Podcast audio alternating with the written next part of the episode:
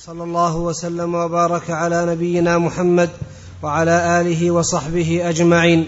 قال الإمام البخاري رحمه الله تعالى باب رفع باب رفع اليدين في التكبيره الأولى مع الافتتاح سواء.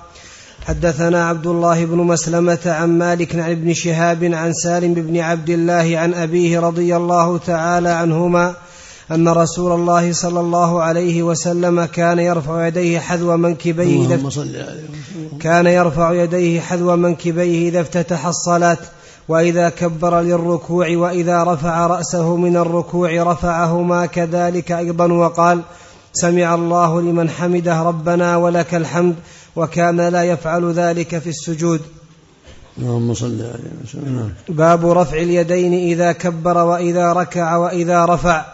حدثنا محمد بن مقاتل قال أخبرنا عبد الله قال أخبرنا يونس عن الزهري أخبرني سالم بن عبد الله عن عبد الله بن عمر رضي الله تعالى عنهما قال رأيت رسول الله صلى الله عليه وسلم إذا قام في الصلاة رفع يديه حتى يكون حذو منكبيه وكان يفعل ذلك حين يكبر للركوع ويفعل ذلك إذا رفع رأسه من الركوع ويقول سمع الله لمن حمده ولا يفعل ذلك في السجود. حدثنا إسحاق الواسطي قال حدثنا خالد بن عبد الله عن خالد عن أبي عن أبي قلابة أنه رأى مالك بن الحويرث رضي الله تعالى عنه إذا صلى كبر إذا صلى كبر ورفع يديه وإذا أراد أن يركع رفع يديه وإذا رفع رأسه من الركوع رفع يديه. وحدث أن رسول الله صلى الله عليه وسلم صنع هكذا. اللهم صل كان يرفعهما حيال منكبيه حديث مالك. جاء هذا وهذا كله سنة.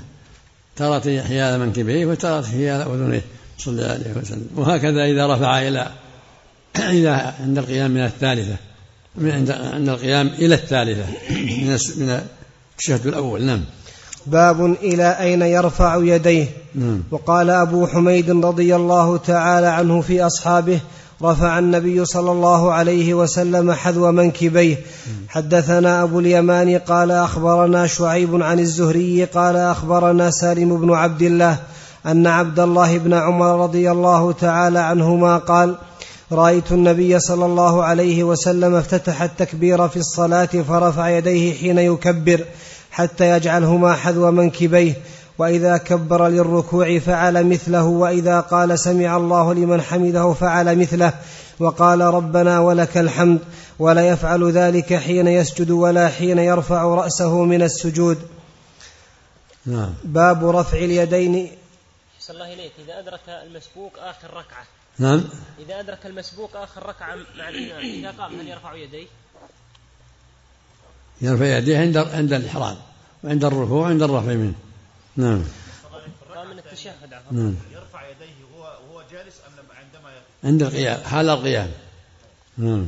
باب رفع اليدين إذا قام من الركعتين. نعم. حدثنا عياش قال حدثنا عبد الأعلى قال حدثنا عبيد الله عن نافع أن ابن عمر رضي أن ابن عمر رضي الله تعالى عنهما كان إذا دخل في الصلاة كبر ورفع يديه وإذا ركع رفع يديه.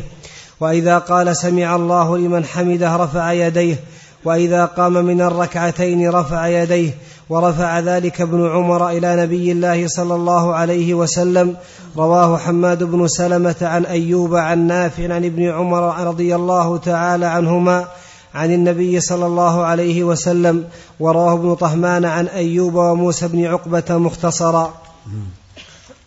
وهذا يبين أن الرفع في السجود ما يكون عند التكبير السجود لا يكون معه رفع.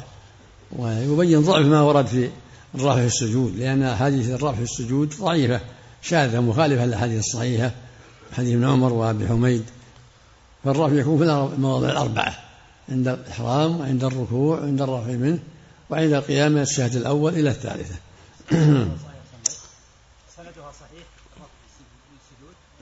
غير صحيحة نعم. مشاهدة مخالفة للأحاديث الصحيحة. نعم.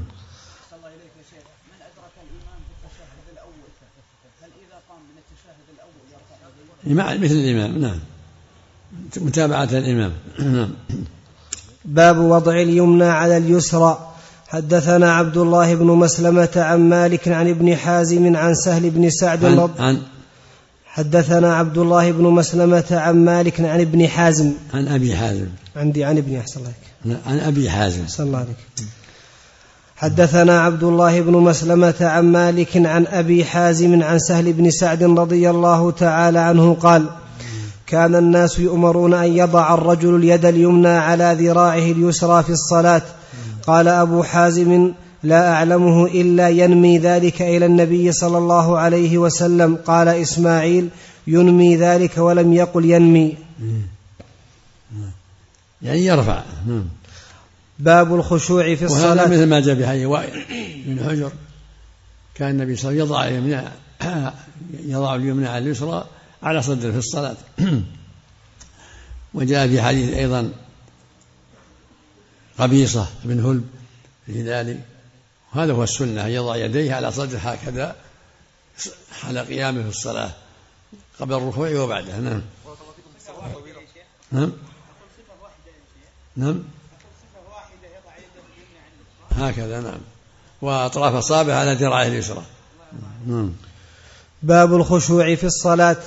حدثنا إسماعيل قال حدثني مالك عن عن أبي الزناد عن الأعرج عن أبي هريرة رضي الله تعالى عنه أن رسول الله صلى الله عليه وسلم قال هل ترون قبلتي ها هنا؟ والله ما يخفى علي ركوعكم ولا خشوعكم وإني لأراكم من وراء ظهري. حدثنا محمد بن بشار قال حدثنا غندر قال حدثنا شعبة قال سمعت قتادة عن أنس بن مالك رضي الله تعالى عنه عن النبي صلى الله عليه وسلم قال أقيموا الركوع والسجود فوالله إني لأراكم من بعدي وربما قال من بعد ظهري إذا ركعتم وسجدتم. وهذا من خصائصه هذه من آيات الله. هذه من آيات الله أن الله جعل له البصيرة والنظر إلى إلى حالهم وهم خلفه. هذه من خصائصه عليه الصلاة والسلام. نعم. يرى ركوعهم وسجودهم خلفه. نعم. والجوارح أيضا. قد أفلح المؤمنون الذين هم صلاتهم خاشعون. الأهم خشوع القلب وإذا خشع القلب خشعت الجوارح. والطمأنينة ركن من أركان الصلاة لا بد منها.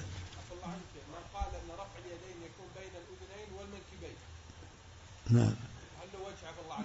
بين من حذاء المنكبين تارة وحذاء من من يكون تارة حذاء منكبيه وتارة حيال أذنيه. نعم. باب ما يقول بعد التكبير.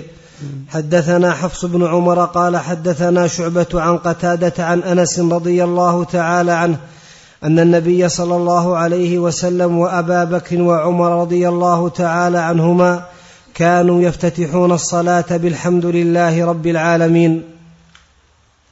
والمعنى أنهم يسرون التسمية والتعوذ يكون بين الإنسان وبين ربه فيجهر بالحمد لله الإمام يجهر بالحمد لله فقط. نعم هذا السنة نعم. ولو جهر بالبسملة أحيانا يمكن لا, لا يضر لكن خلاف السنة. أحسن الله. ولهذا جاء عن أبي هريرة أن كان النبي يجهر بها ولعل هذا بعض الأحيان. أحسن الله. عليك. حدثنا موسى بن إسماعيل قال حدثنا عبد الواحد عبد الواحد بن زياد قال حدثنا عمارة بن القعقاع قال حدثنا أبو زرعة قال حدثنا أبو هريرة رضي الله تعالى عنه قال كان رسول الله صلى الله عليه وسلم يسكت بين التكبير وبين القراءة إسكاتة قال أحسبه قال هنية فقلت بأبي وأمي يا رسول الله إسكاتك بين التكبير والقراءة ما تقول؟ قال أقول. اللهم باعد بيني وبين خطاياي كما باعدت بين المشرق والمغرب. اللهم نقني من الخطايا كما ينقى الثوب الأبيض من الدنس. اللهم اغسل خطاياي بالماء والثلج والبرد. وهذا يسمى الاستفتاح. يسمى الاستفتاح. هو أحد الأنواع الواردة. وهو من أصح ما ورد في الصحيحين. ومن ذلك سبحانك اللهم وبحمدك وتبارك اسمك وتعالى جدك ولا إله غيرك وهو اخطرها نعم. ما هو ما هو؟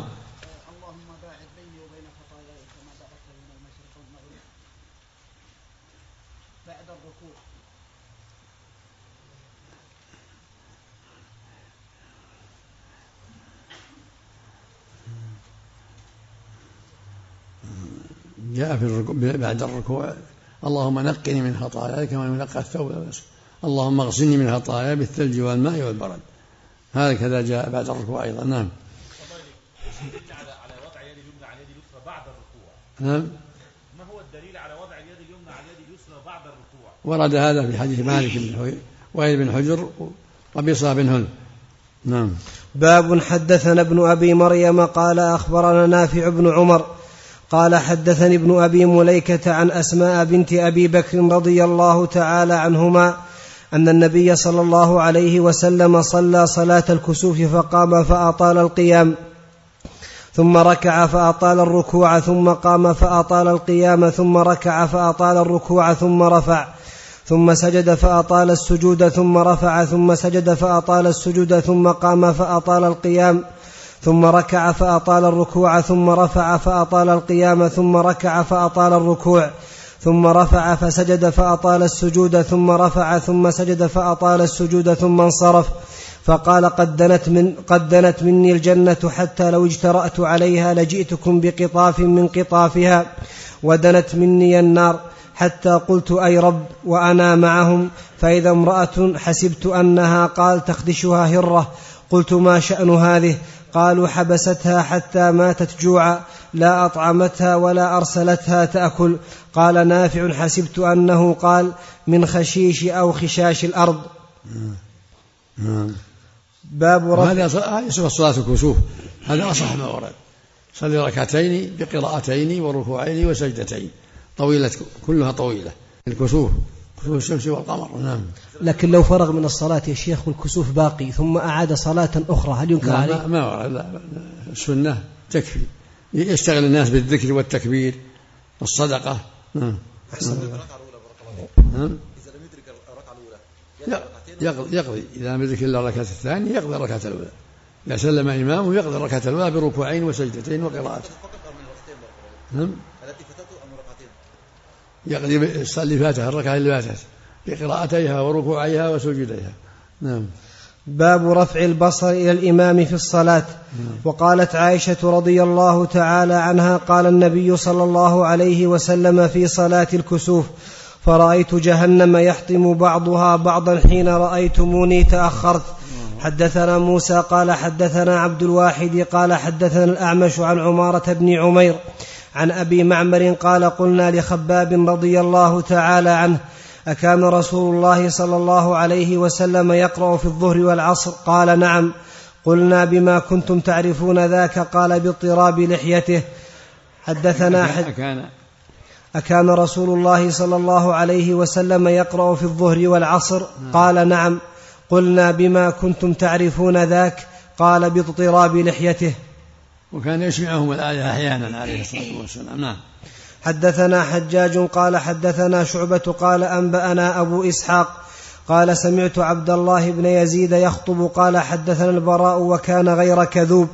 أنهم كانوا إذا صلوا مع النبي صلى الله عليه وسلم فرفع رأسه من الركوع قام قياما حتى يرونه قد سجد. وهذا هو الواجب أن يتأخروا حتى يصل إلى الأرض حتى يسجد ثم يسجدون. لا لا يسابقونه ولا يوافقونه. نعم.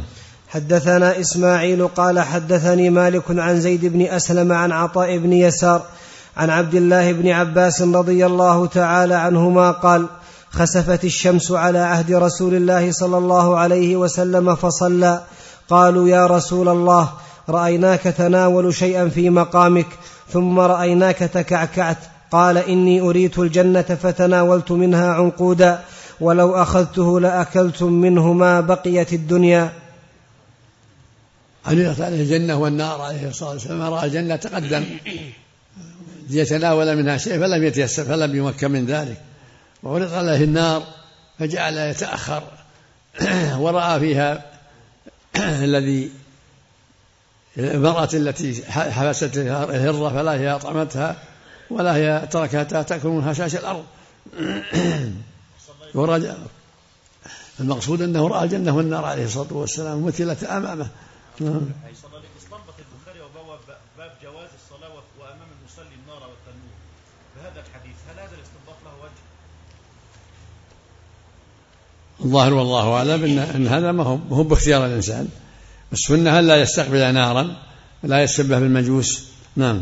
هذا غير اختيار النبي عليه الصلاة والسلام. نعم.